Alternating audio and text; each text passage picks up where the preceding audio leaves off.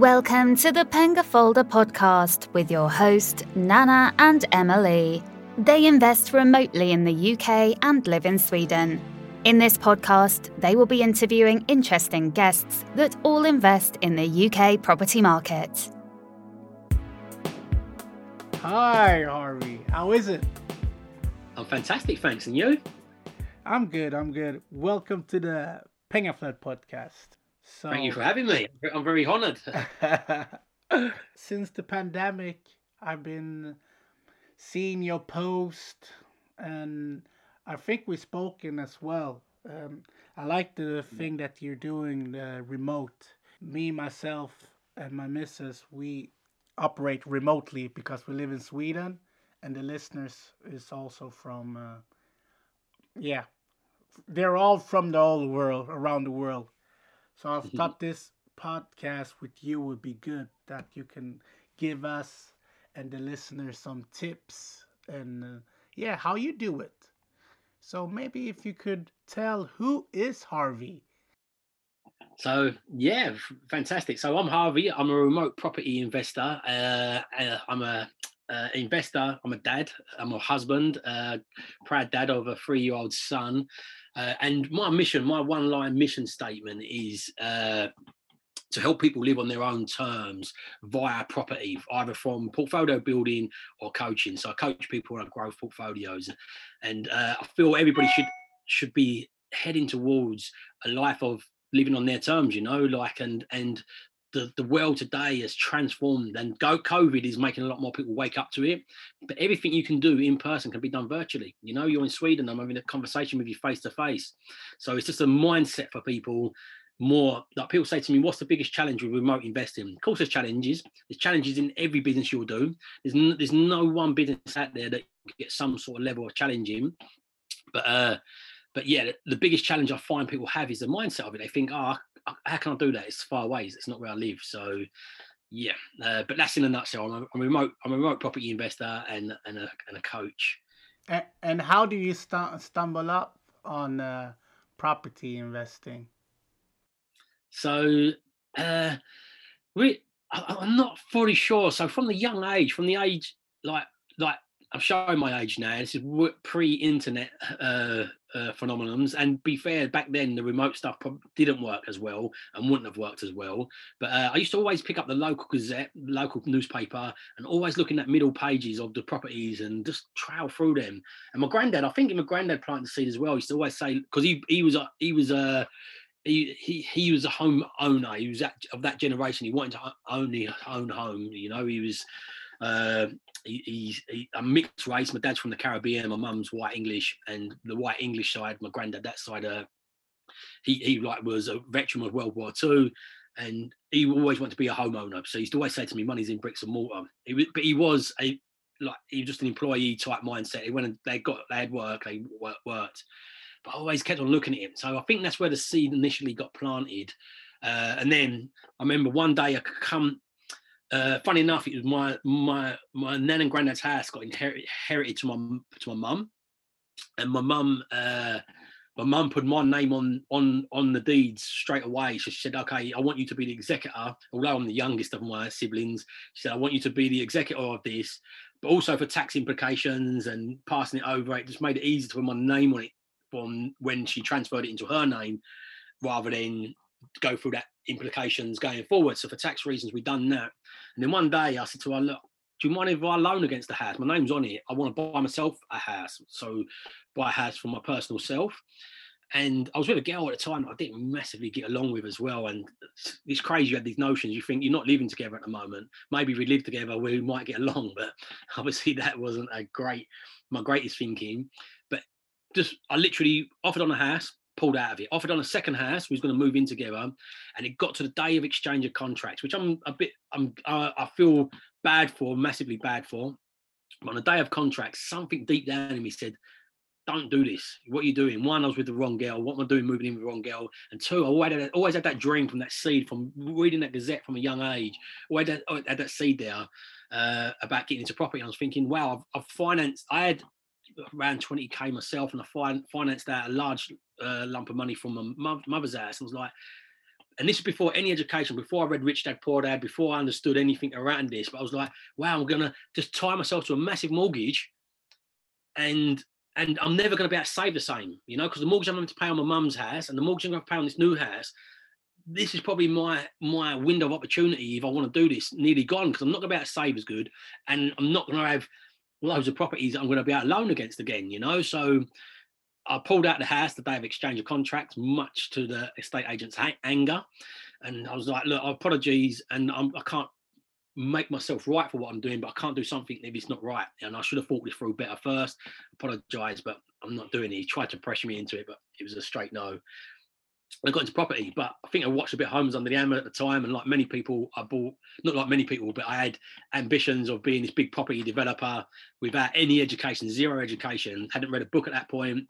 Uh, I left school dyslexic, by the way, and had didn't read my first book until around this time, and it was very difficult to read it, and it took me years to learn myself to read. I'm still not a great reader, although I read a lot. Uh, I'm not a great reader, for, especially for the volume I read. But uh, I uh, we we pulled out of the house, and uh, on the day, as I said, on the day of exchange, pretty much split up with my girlfriend a little bit after that, and then I went to auction because I was watching Home Under the Hammer, and I, I, bought a piece of land thinking that yeah i want to be a property developer but my ambition and my yeah my ambition way outweighed my skill at the time and way outweighed my actual conviction and courage to actually convict what i was do to do what i want to do because once i got the land i literally went and i learned a lot from this by the way as well. They done a thing called bouncing the bids off the wall. So he went the land was bought for 30,000 pounds. He went uh, he went 30,000. Nobody, nobody, 20, 20, 29 and a half, 29. Oh, yeah, 29, 29 and a half. I put my hand up at 30 really quick. This happened. He went 30. Yeah, done. Boom, hammer went down. Later on, I sold it to the same auctioneer and he, he told me the trick they used to bounce the bids off the wall to get the bids going. And I realized that's what you've done to me, you know? like, and I sold it. At, I sold it at quite a loss as well. So yeah, when I actually put my putting my hand up was very different from actually putting the action steps in place to actually develop this out. And I realized I lost lots and lots of money on it. I, I, took some action and I learned a lot. We went through the planning stage and we got stuck in a bit of planning and and yeah, I got to as far as getting architectural drawings, but I didn't push it as well as I could have maybe. But also my experience was far. I, I was punching above my weight far too much. So then I bought my first buy to let property, which was I, as I was explaining to you before, I was born in Stratford, but from a young, from the age of six, I grew up in a little village called Aveley, still on the inside of the M25. So, but it's, it's the first part of uh, Essex. So the next town up from that is Greater London. Uh, but even then, with zero education, I, I knew in this little village, I knew investing in this village just didn't work there wasn't enough houses there. The prices was way too high. The return, although I didn't even know fully what a return was when I was buying my first properties, that's how much I just dived in and worked out later. But I just knew it just didn't work there. There was no major employers. So I thought, okay, let's go it's a little bit further out. I didn't come into London, although in hindsight, I wish I had because I would have been able to afford to buy then, and the capital growth would have been phenomenal. But hindsight's beautiful, nobody like nobody knows that afterwards. But I went to a place called Southend, which was within one hour. And this is the general rule that people say to you. People say invest within an hour from where you live or where you live. So the strategical advantage of me investing where I live was zero because you couldn't invest in this little village and I grew up in there from the age of, age of six. I knew all the streets inside out. So my my knowledge of the streets inside out was zero because it wasn't an investment location. So then I went to Southend, which was 50 minutes away. And the strategic advantage of investing there was still zero because I didn't know Southend, even though it is within a drive away. I didn't know it. And it turned out uh, I bought I bought that house. I bought my second house, uh, and then I bumped into a guy from the north. And then I went and done some training. And didn't do some training. Sorry, I went I bought three houses up north. So I, I learned how to buy refurbished with mortgage. I went online. I come across a guy called AJ who was talking about other people's money, using using banks' money, private investment. So I, mastered this strategy and started learning. And I, and I bought, I got to one piece of land and five houses, so three in the north and two in the south. And then I opened a coffee shop and got very sidetracked, thinking, okay, these southern, these northern properties are great. Like I bought refurbished and um, bought refurbished, refinanced all my money out of them pretty much. The barrier to entry was really low, the returns were really high. So I thought I'm going to buy hundreds of these. And I got sidetracked on a coffee shop. I see this coffee shop. I've, I've got that shiny penny syndrome, like lots of entrepreneurs. I thought, let me open this coffee shop, and then the profits from that can be fed into buying more properties up north. Uh, but it done completely the opposite. Uh, I didn't have no desire of the coffee shop apart from earning me some money. And as a result, because I didn't have no desire in that as well, I, I, made all the classic mistakes. I put my nephew in there. I hired a lady to run it, who was my friend's mate, who who had experience in that field, but she just didn't want to run a run it. He, he wanted us to run it. She didn't want to uh, want him to run it. And it turned out on day one. I remember when we was going to the all the. I've got the business mind, so I was excited about getting the suppliers, and it was all organic, all local suppliers. And and when I uh, went to the get the coffee machine, she was like, "You should be paying attention to this." I was like, "No, no, no, that's going to be your part. I'm going to pay attention to thinking about what deals and what stuff to do." And she was right. I should have paid attention to it because on day two, she she gave up on day one. So on day two, I found myself in the coffee shop with my phone, googling how do I make a cappuccino because I didn't have a clue what to do.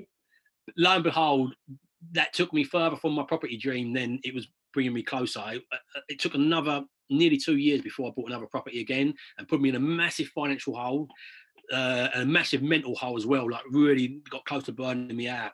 So at this time, I went to Progressive Properties, multiple streams of property income, and thought, you know what, I want to get back into property.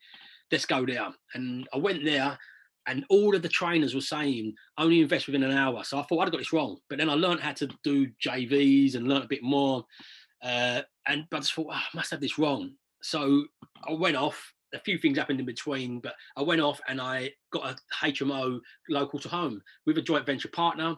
But I was also thinking, how do I like raising that amount of capital, even with other people's money, is very difficult, especially with I only had five property deals before that. I was thinking like this is very difficult. And also I realized HMOs yeah, they do earn more money, but there's a trade-off for that extra money. You like, there's a lot more management, a lot more regulation, a lot more planning, and and working with uh, environmental officers and, and and and planners. And they shut one of it was a six-bedroom. They shut one of the rooms down, tried to make us go into a four-bedroom, and I was like.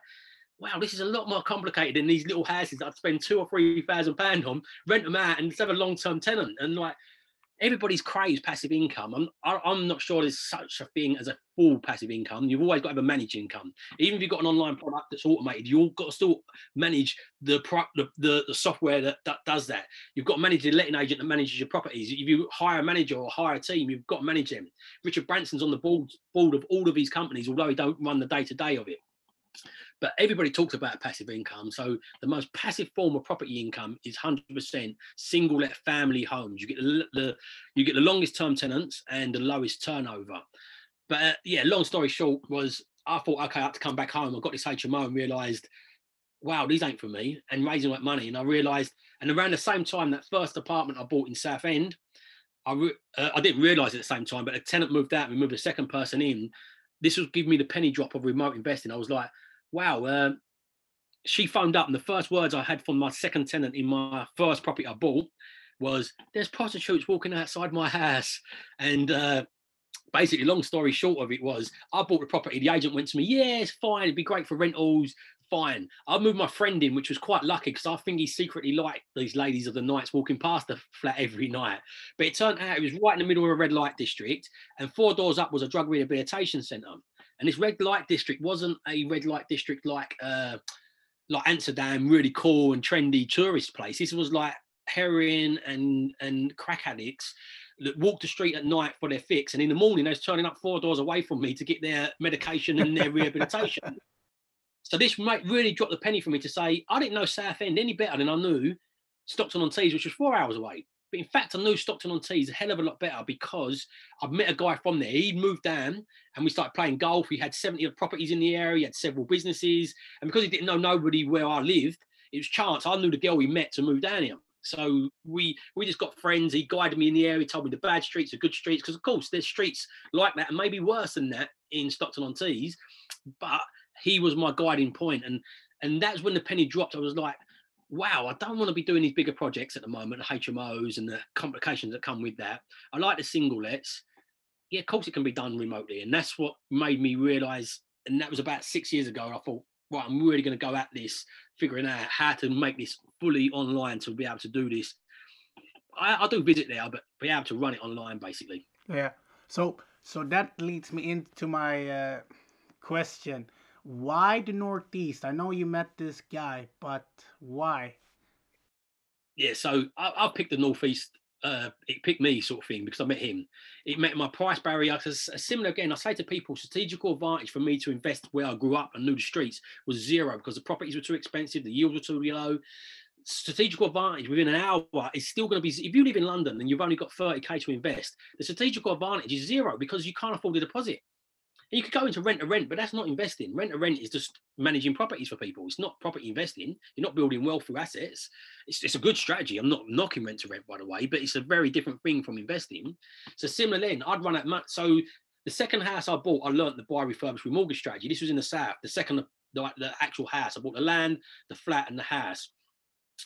I then learned buy refurbish remortgage and I'd, I'd started off with an 80 odd K pot, and back then houses was cheaper then. Those were still around 100K to buy, but I started off with around an 80K pot. I bought two two deals and I was nearly out of money. I then had the bank phone me up, and I'm not uh, recommending anybody do this, by the way, because uh, you're not allowed to do this. I'm, I was comfortable to do it because I knew I could pay the bank loan back, and I was comfortable going to grey area. But the bank phoned me up one day and went, we've got a loan for you. Would you like it for twenty five thousand pound? I was like, wow, I'll just run out. I'm, I'm, I'm, that's probably just enough to get my next house. So I said, yeah, of course I'd like it. In that tone, quite laughing, and like you're doing now, the guy on the end of the phone laughed with me. He's like, what do you want it for? I said, I'd buy a house with it. He said, uh, what do you mean? I said, yeah, I buy a house from a portfolio. Although I only had one house and one piece of land, I was already calling it portfolio. I didn't know anything about mindset and priming your mind at that stage. So I was just doing that natural. I was uh, faking it till I make it, I guess. But he's like, the guy was like, look, if you said it was for a car, a car or a kitchen for your own home, we could lend you the money, but we can't do it for business purposes. And and, and I laughed and he laughed and he went, and I can't even give you it like now if you say that because his calls are recorded. He said, but I'll tell you what I can do, I can call you back.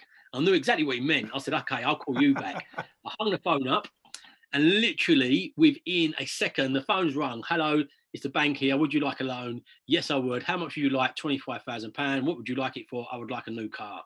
As I said, I'm, you're not allowed to do this, guys. It's very much more difficult to do this today. I'm not commending anybody do it, but I knew I could cover that loan.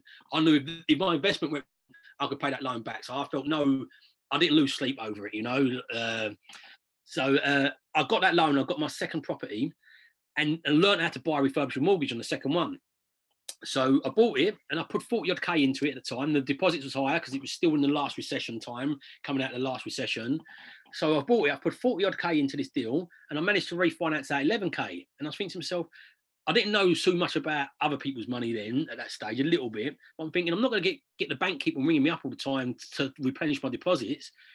And I only had 11K. So then just the price took me to that area. I met this guy. I could afford my next deposit in that area. And I was like, okay, look, I've got a contact there, and yeah, I just took the plunge. But that said, if I strategic, I, I've, reversed engineered what I've done done now to help the people I coach. So if I was going to pick an area, there would be different elements involved with it. Uh, so uh, first of all, you've got to look at how much you can afford. So in the UK, a lot of people are thinking of Manchester because it's really a hot location, got a lot of capital growth at the moment. But the house is a 150. Similar again, if you only got 20k, then how can you buy that? You've not got enough money for it, you know. So you've got to look what you can afford. Look and see if you know anybody in the location. If you don't, then just look at what you can afford and what is geographically the closest to you within your price range, what meets the general fundamentals of property. Okay, so so what a tenant type do you uh, get in the northeast? So contrary to popular belief, there's diff- every every major town and major cities, all the cities around the UK have got micro uh, micro economy. So even the like even in Stockton on Tees, there's rich places there, believe it or not. There is people with wealth and money. so uh, uh, so there's a micro climate, micro uh, economy within this macro area. But as a general, the northeast don't perform well. But there's little micro pockets that you get professional tenants and higher end tenants. I purposely go for what I call high end high end housing benefits or low income workers purely because these are the most longest term tenants you give the highest odds for a longest term tenant. It's not guaranteed, but gives you the best probability to get a long term tenant. And especially if you're doing it far away, you don't want a high turnover where you're checking people in and out all the time. You want something that's going to give you real good chance of having a long term tenant. So the reason I go for this, this tenant profile, this avatar of my tenants, is because if they've got low income, they don't save up for a deposit. Or if they're on housing benefits, as I said, high end housing benefits, I don't take I work with some supported living providers, but they they manage them the tenants themselves. But in general, if I'm going to manage it, I usually look at mums. Fam- I, I like family homes and families. They stay there the longest. Flats, people either meet a girlfriend or boyfriend and they upgrade, or they have a kid and they upgrade. So flats are not usually a long-term uh, option for most people. Some people it is, but most it's not. So I go for mums that have had a, had kids but can't afford the childcare and go back to work. Yeah. They want to cancel home. They can't afford to buy a home. So you know they're decent people, and these are great tenants. And their nan lives uh, two streets up. Their mum lives across the road. so you know they because of their support and their network, they're going to stay there as long as you look after them. You do that house up nice. You're going to get a long term tenant out of them. Similar again, low income uh, workers. They ain't saving up deposits. So again, as long as the house is done nice, they want a council home. They can't get a council home because the council ain't got enough stock. You keep them as long term tenants. In my area also the yield is really good there. I don't want to go for like like tenants have got some challenges in life. Maybe they're like got drug problems or alcohol problems. It's too much to manage and too much hassle to manage and and your house is getting wrecked and things like that. So i go for that profile. But if, like for instance the profile the, t- the typical property i'll buy is like 60 70k buy some a little bit cheaper sometimes buy some a little bit more but the prop I do buy some at 100k to diversify my portfolio because in that bracket in the north East, in my area there is much there is a little bits of capital growth with them and you get a different profile. You could sell the houses a lot easier and that so it's nice to have a bit of a diversification. But the difference is these 100 to 150k houses would rent for six 700 pound a month. The 60k houses will rent for five 550 a month. So the yield really gets mm. shrunk out of them you give a professional tenant the yield's still good on these houses so i buy up to about 100k the yield's still good but nowhere near as good as a 60k house so the yield's still good, but the thing you get is because the rent's so low, and the average wage in my area is still twenty six thousand pound. So these professional tenants, if their rent's only six hundred pound a month, they can quite easily save up a ten percent deposit and buy a house for 100, 120,000 pound themselves. So within a year to two years, they've saved up a deposit and they're moving house. So you get a higher turnover of the professional tenants. So my profile is these tenants that are on higher benefits or low income. But also, if someone loses their job, the house can be fully covered by benefits as well because the benefit rates cover that because that's a typical style property I buy. Ah, uh, okay, that's really smart. So why do you think that the Northeast have a bad name then? Because there is there's not as much much employment now. There is some really desolate places, but again, it's like anything. You you can go in London there's some really rough and desolate places. It's, it's about educating yourself. So as a whole, the Northeast hasn't grown uh, over, as a whole. There is micro pockets that have, even in my town there has, but uh, as a whole, it's not grown, and and there's not as much employment now. And when there's not as much employment, you can you do it attracts the low, lower demographic and, the, lower lower employment or no employment does generally attract a little bit more crime and things like that. But again, there are micro pockets within these areas there's there's more micro pockets of them within these areas than there would be in the south. As I said, you still got these in London, so there's more increased version of them, but not everywhere is like that. So it's, again, it's just about your due diligence. So if you can research your area correctly, the, the problem that people get, and this is what gives it a bad name, is people go up there and, and they see properties for 20 grand, 15,000 pound. I remember that guy, I done the same. I met that guy from the area. I asked him out for lunch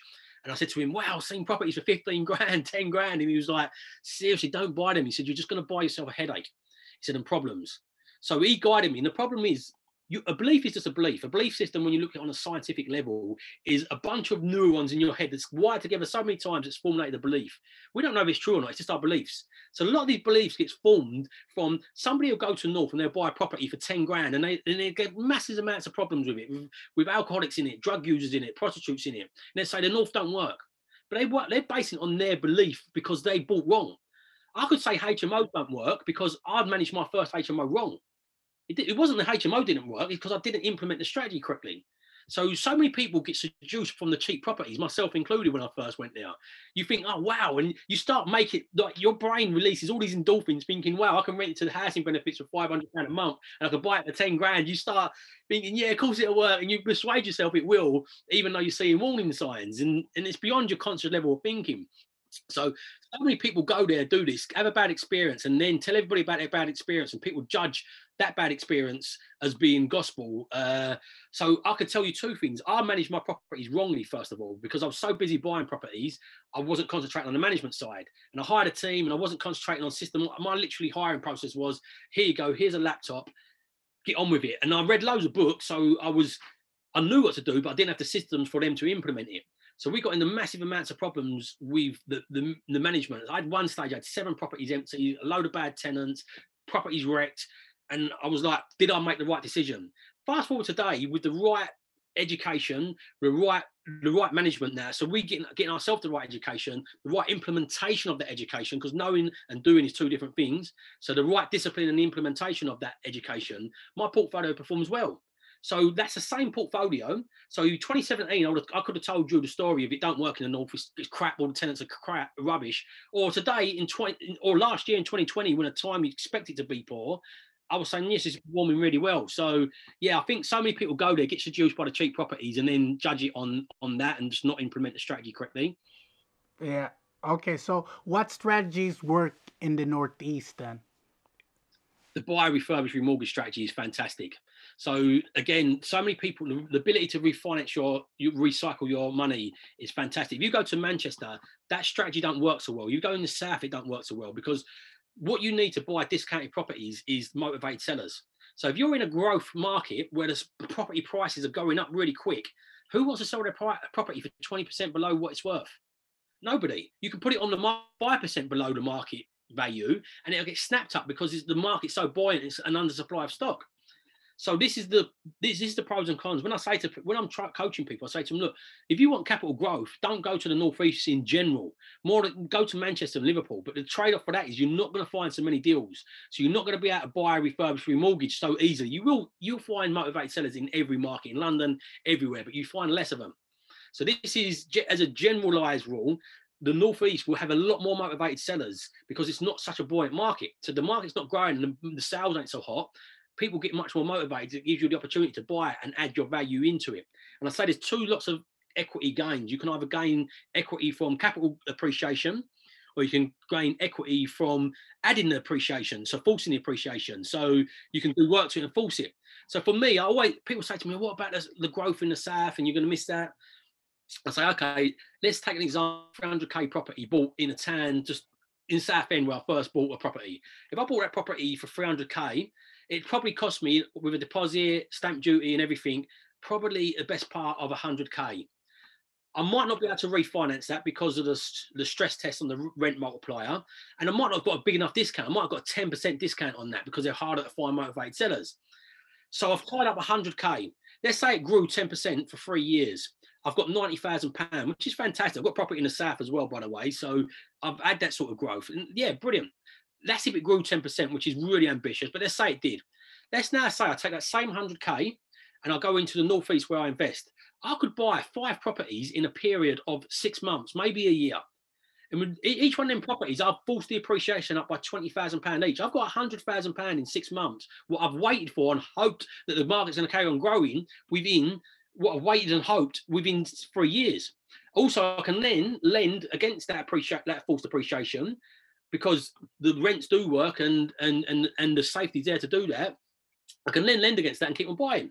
So again, it depends what the end goal of somebody they want out of it. They've got a busy business, they don't want to build it as a build it as a business maybe buying the odd house and just getting capital appreciation is fine. But if you want to build it as a property business, without shadow of doubt, the foundation of all good property businesses is single let properties. And the only place you can do that is in these areas where you've got high yields, low purchase price properties. Uh, and and and if you unless you're fortunate enough to live in one of these locations, you have to think about doing that remotely. But it's more than accessible today. Yeah. So that leads me into my uh, my uh, follow-up question. Do you uh, put uh, repayment mortgage because of the like you mentioned the capital growth is very low there or if it's even going to come some capital growth or do you just uh, because you buy it so cheaply uh, like you said you add, either add value or force the appreciation? How, how do you do yeah, great question. So it depends where you are in your journey. I said there's no one fit cap fits all. It really bugs me when you get coaches out there that say, right, just follow what I'll tell you step by step, and you're going to be this. There's so many outside forces in influences. So what uh, what spare time do you have? What sort of availability to funds do you have? What sort of knowledge do you have? What sort of network do you have? All that accumulate together mixes up the mixing pot of what sort of strategies you should be taking on and what how you should be doing it but as a generalized rule if you're a bit younger for instance you can be a bit more aggressive but depending where the market's at also so in this market at the moment uncertainty i probably wouldn't be as aggressive on your refinancing the properties and trying to pull out every single penny maybe only refinance them at 70% loan to value so you give yourself a little bit of buffer for asset price fluctuations. But uh, what you do at the start though in a normal market for example you would just refinance out as much as you can and interest only to create cash flow especially if your mission was i want to be full-time in property and i want to create enough income. So the first stage of it there's little stages you go through. So stage one is creating enough income. And then when you get to in the northeast in my example when i got to about when I got to close to about 20 properties, what I started doing then was going on one repayment mortgage and then one in interest only, one repayment and one interest only. But also what I was doing is uh, is the one I was buying on a repayment, I was buying and sometimes putting 30% down as opposed because now cash flow is not so important to me. Like I'm right, I've got credibility to raise private funds, I've got cash flow. So or I did for a while, the, the lettings company got me in trouble the theory behind it is this uh, I can raise deposits elsewhere now as well. So I'm not going to worry about the refurbish thing. So if, if once you get to about 15, 20 houses, you want to think about deleveraging. So putting some on repayments and putting a little bit more deposit in. If you can, still force the appreciation up a little bit. So you've got a real nice buffer in now you know, and then you the second one you refinance. So you but then you keep on doing that until you maybe get to 30, 40 houses, and then you just start really deleverage them. You like you know lot you've got enough you, you've taken out enough cash flow to pay your wages, pay your life lifestyle. So it's about future wealth building. So then you to start deleveraging and putting them all on all the future ones on repayments because you've got your cash flow amount here.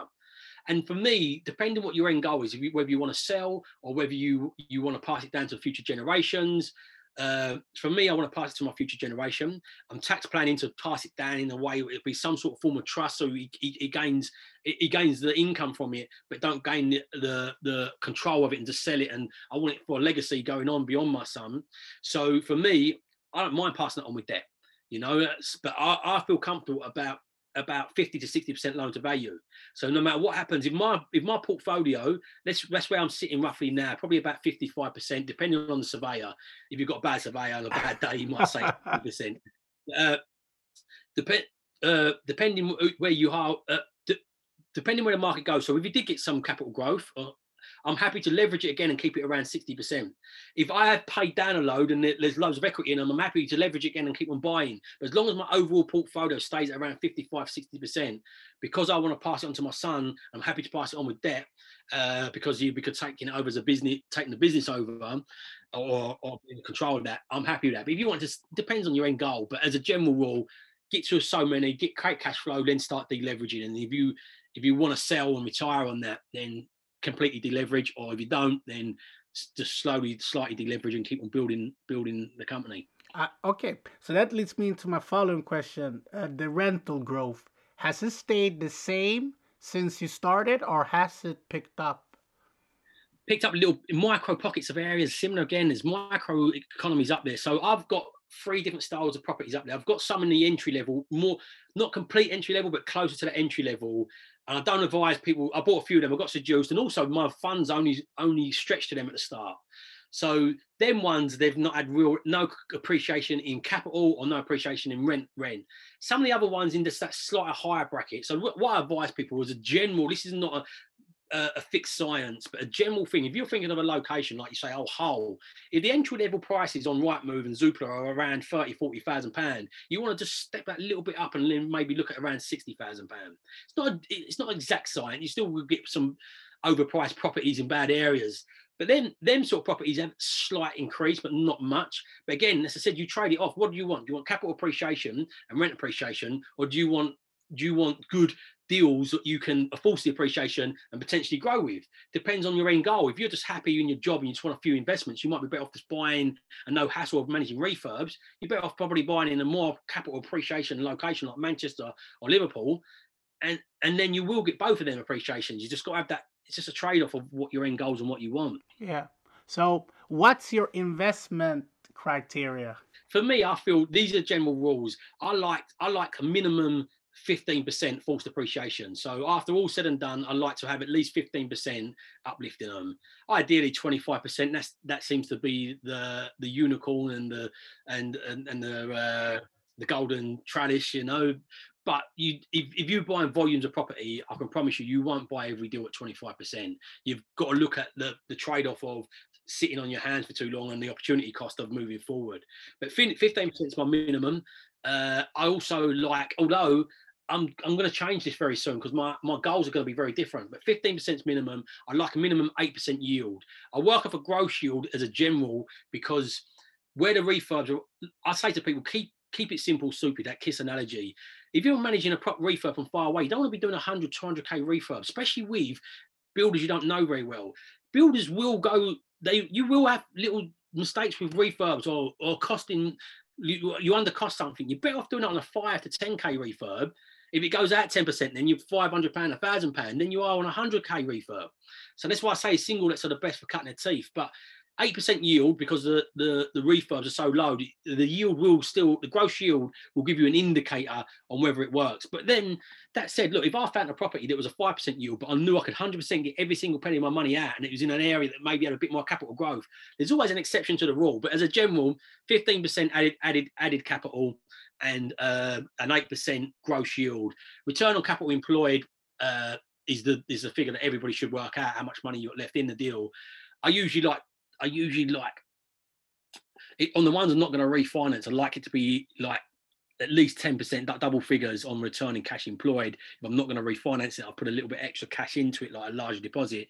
But if I'm refinancing it, I'm expecting like like anything from 25 to 50 percent to infinity return on capital sometimes you pull all your money out not very often but yeah that's that's good that's a good royce so how do you vet people remotely then yeah, so again, big thing I do when I'm coaching people is I call it qualify, disqualify. You've really got to qualify and disqualify everybody you use. So whether it's builders, whether it's estate agents, whether it's sourcers, whether it's uh, tenants, you've really just got to have a stringent process. And the power of our results are the power of our questions. So you've really got to have a strong questions to vet people. So an example for a builder, builders you've got to be careful with because there's such demand. You can't be too demanding at the front end. And if you are, you, they just go with somebody else and just say, okay, see you later. But what I do is I incrementally build it in. So I ask a few leading questions, build a bit of rapport of them, and I incrementally build it up with my demands, although I'm not demanding, but my my demand and my accountability with that. Tenants, we've got a real profile. I've got somebody on the ground that works for me, but I don't really advise people to self-manage from a distance. You can, but remember there is a trade-off for it. So you've got anything in life is possible. You just got to work out what the trade-offs are for it you know, and what the risks are, and are the are the trade-offs worth the risk factor? So for me, when I decided to invest remotely, it was like I've got not enough money for my next deposit. The bank's not going to ring me again with another loan. So the the the, the trade-off for me was look, I've, I need 13k in total for this. The risk was if it didn't rent out, I've got to cover my mortgage of hundred pound. I think it was about 130 pound at the time. The rates was a bit higher, or 140 pound, maybe 150. Let's say 150. I have to cover the the, the I have to cover the council tax, hundred pounds. So my risk was okay. The risk is I have to cover two fifty a month if it's sat there empty, and maybe I can't sell it. So that's that's what, and I'm risking is thirteen k. If I lose this thirteen k, would I be peed off? Hundred percent. Would I feel a bit embarrassed? Hundred percent. Would I be? Would it be sore? Yeah, for sure. But would it bankrupt me? Absolutely not. You know, I will live to fight another day. I'll be able to brush myself down. But the upside of it was I could potentially refinance that whole 13k out and buy another house. And I could potentially earn like 250, 300 pound a month from this. So that's what you've always got to weigh up is is the risk for reward factor when when you're doing everything's going to come with a, with some sort of level of risk. So I don't advise self-managing. I advise people to get a letting agent, but you've got to qualify, disqualify them. Ask them leading questions. How they how they how they how they hire, how they manage their team. Because most people are the recipe of their own undoing. If they're really good and they are the business, what happens? They get loads of recommendations, their business grows, but then they haven't got the systems in place to emulate how good they are. And then they, they start unraveling, you know. So, yeah, just really strong questionnaires, little tests of things for people to do before, like for, for tenants, for example, they've got three strike rule. They don't answer our reply. That's it. We're not putting you in the house. If you can't answer replies when you want the house, we're not putting you in it. We've got a questionnaire for tenants that we ask them lots of questions, but we also got a leading little thing where we're just we try and manage your expectations. Some tenants might pass a referencing, but they're they're they're not uh what's the word? They're, they're not somebody you want in your property. They're really demanding, you get a feel from that. You've got certain questions that you ask, and we've got my team that have got the script that they have to ask these questions.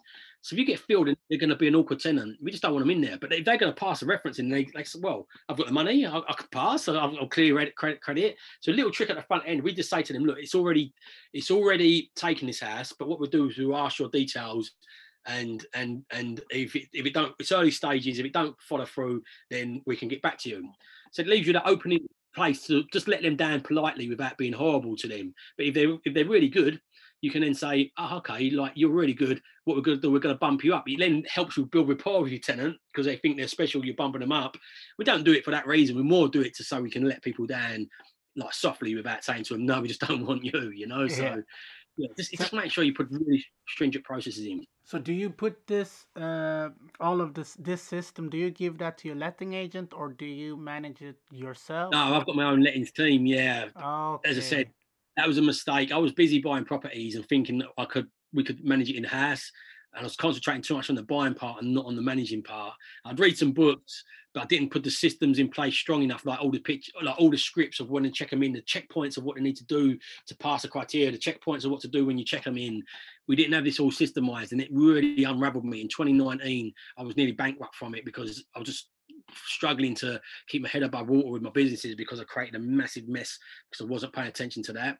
But uh, but yeah, I, that's why I encourage people, maybe because my pain point but I encourage people if they're going to self-manage, and make sure you get it really strong systemized from day one. If you're not going to, um, look, most people get it for passive income. Why do you want to manage tenants? You know, get a tenant let an agent to do it. But you've got to qualify and qualify them as well. Have a really strong process to make sure they're the right person. My my last question before we go into the the fun part. How do you mm. research remotely then? Our, our, good old friend Google, you know, is so powerful. uh, uh, good for like when I first invested, I wasn't even on, on online, and I went to Southend, and I probably could do better due diligence. So people shouldn't like it. It did does work in Southend. It could work for somebody, but I just didn't implement it correctly. But you go on Google, you can find crime, fundamentals in all cities are fundamentals. The crime, the schools, the transport links, the, the employment. You, you can research all this online. And then the other, the key element is building a profile online. Really, really key. So your network, I know it's a cheesy saying, but your network is ultimately your net worth. And when you when you build your presence online, like you found me online, you see me posting, agents found me online, solicitors found me online, uh, builders found me online, and tr- trust and credibility comes with touch points. So the more videos you do, the more you you present yourself as credible to the estate agents, to the to the to the builders, to other investors in the area. So the critical part of this is building your your your online presence in a strategical way. Like a lot of people think, okay, I'm just gonna uh, open a Facebook uh, every business online today. I see some of their friends trying to start up a business. They say, "Yeah, it's all about getting a social media." So they get a Facebook page and Instagram page, and they think that's it. The business is just going to flood towards them. You know, like you've got to make a strategical, and even more importantly than today, the maybe Clubhouse has got this uh, organic growth at the moment, but today it's so noisy and the algorithms restrict you so much that you need a strategical plan of why you do that. I recommend everybody starts on Facebook because it's got the communities. So traffic and business is all about the people that are interested in it. So if you want people interested in what you do, you, rather than you trying to attract them, go and find where they are, and you can find them. Like you can find if you want to invest in Liverpool, there'll be an all about property investing group in Liverpool. So then you go into that group, you give value, you ask questions, you connect with people, you ask them meet up with people, and you start building a network but then also you build your your value on your you document your journey when you're viewing properties the books you read the the the, the podcasts you listen to. You document everything you do on your actual facebook business page and, and mix it in a little bit on your personal page with your personal a little bit about your personal self so people get a feel for you. And then agents watching this you what you do, you jump on agents' web uh, online things, and you friend request them, and you comment on their on their posts. And the natural the natural thing of human beings today is they click through on your profile and see what you're up to. They go, oh, okay, yeah, he's pretty credible, you know, and yes, it's the most powerful element. But even if you're doing that locally, it's a powerful element to do it locally, or but definitely from a distance. Yeah, yeah, that's good. Good answer. So now, if you have unlimited funds, who would you have as a mentor? Who would I have as a mentor? Uh, I'd have Russell Brunson at the moment for where I am in my in my journey. Russell Brunson. I'm learning marketing. I'm learning online. I'm trying to create my coaching stuff into products that can be delivered digitally. So yeah, it would be Russell Brunson. Maybe close second might be Tony Robbins, but uh, Russell Brunson, I think. Okay, so one book to recommend to your child, and it doesn't need to be property. Yeah, yeah, richest man in Babylon. This is going to be bedtime story. As he gets a bit older, he's three years old now. As he gets a bit older, he's getting read that as bedtime stories. Yeah, richest man in Babylon. great book, great book. One book that every investor should read, and it doesn't need to be a, a, a property. It can be whatever. I think it depends. I, I, this is going to be a tiny bit long-winded, but bear with me. I, everybody's read uh, Rich Dad Poor Dad, which is one they probably should read as well, but it's not the one I'm going to uh, recommend. Uh, but there's four. He, he, said there's four different types of investors and the cash flow quadrant. I guess you're familiar with that. Yeah. I've modeled it. There's an investor quadrant. You've got your hands-free investor, your part-time investor, the solopreneur investor, and the entrepreneur investor. Your hands-free is somebody who's got a business, a job, don't got no interest in property apart from a better return. So pay somebody to do it for them. Your part-time is somebody who's got a job, don't want to give up their job, love their job, but they still enjoy doing it a bit on the side and want to be a bit involved. Your uh, solopreneur is somebody who's full-time in property, but uh, wants to uh, they're full time property, but they are the business. They're not really systemized. They might have an assistant, but they, the business relies on them. If they went on one of Elon Musk missions to Mars, if they come back, the business will be there. Where the entrepreneur, he can go on Elon Musk mission and he can go on holiday for a year because he's systemized it so it can run with or without him. So depending where you're going to go, but I'm going to just say a lot of investors want to get into it want to be entrepreneurial status. They don't realize there's a trade off you have to go through, and it takes five to ten years to get it to that stage. But let's say for an entrepreneur investor, because it's all different types, different books for different type investors. I would say the E-Myth. You know, you really got to understand how to systemize your business. You know, and understand the difference between between being a sole trader and and the business that you own. You're not really a business when you if you're reliant on it on, and being being an actual entrepreneur. Yeah, yeah, that's a good book. I read that as well. And one property book then. One property book. Uh, my favorite property book at the moment uh, it's a guy I know, it's a friend. He's got David Tarns. Uh, it's it's a one, two, three of property investing. Uh, the oh, sorry, I put put it on uh, do not disturb. Uh, the one, two, three of property investing. The no nonsense guide. Uh, to property investing, I think it's called.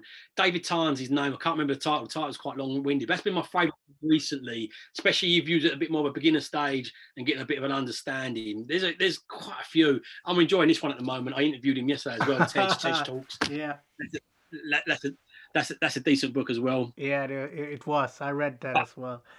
Probably one of the most comprehensive ones has been by Rob Dix uh, uh, as well useful. And again, sorry, I'm not going to give you one answer here, but it probably helps people a bit more.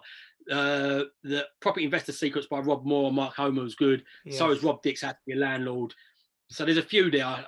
But my favourite one recently I've read is David Tarn's one, uh, the one, two, three of property investing.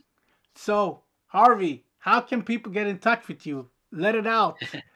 everything email okay. even your number no but clubhouse everything yeah i'm on clubhouse every friday now so we're doing a room on every friday 9.30 on clubhouse uk time uh, uh, the, the the place I hang out the most, like one of the things I've done is I've turned all my notifications off on my phone, so I'm not distracted all the time. I check my messages and messenger. There's so many different platforms now. The one I'm probably in the most is is Harvey Andrew Harvey uh, on my uh, personal page, Facebook pages, my messenger on there. If you want to get the quickest response, that'd be the place the quickest. But you can find me on Instagram, Har- Harvey Growth Properties, YouTube, Harvey Growth Properties, Facebook uh, business page, Harvey Growth Properties. Um, yeah, but the quickest response will be on Messenger, I, would, I would say. But I'm on most of the platforms uh, with the URL of Harvey Growth Properties. Okay, there you have it, listeners. I hope you have taking all, all of the information that Harvey gave us and you will go and proceed doing this remotely because I'm doing it remotely, you can do it remotely, Harvey is doing it remotely. It's just a mindset like like you have said in the podcast and yeah, of course, you need to have systems. Otherwise, it will all be scattered. so, don't be stressed. Invest, people. I love that saying. Thanks a lot. Thanks for having me on. I've really enjoyed it.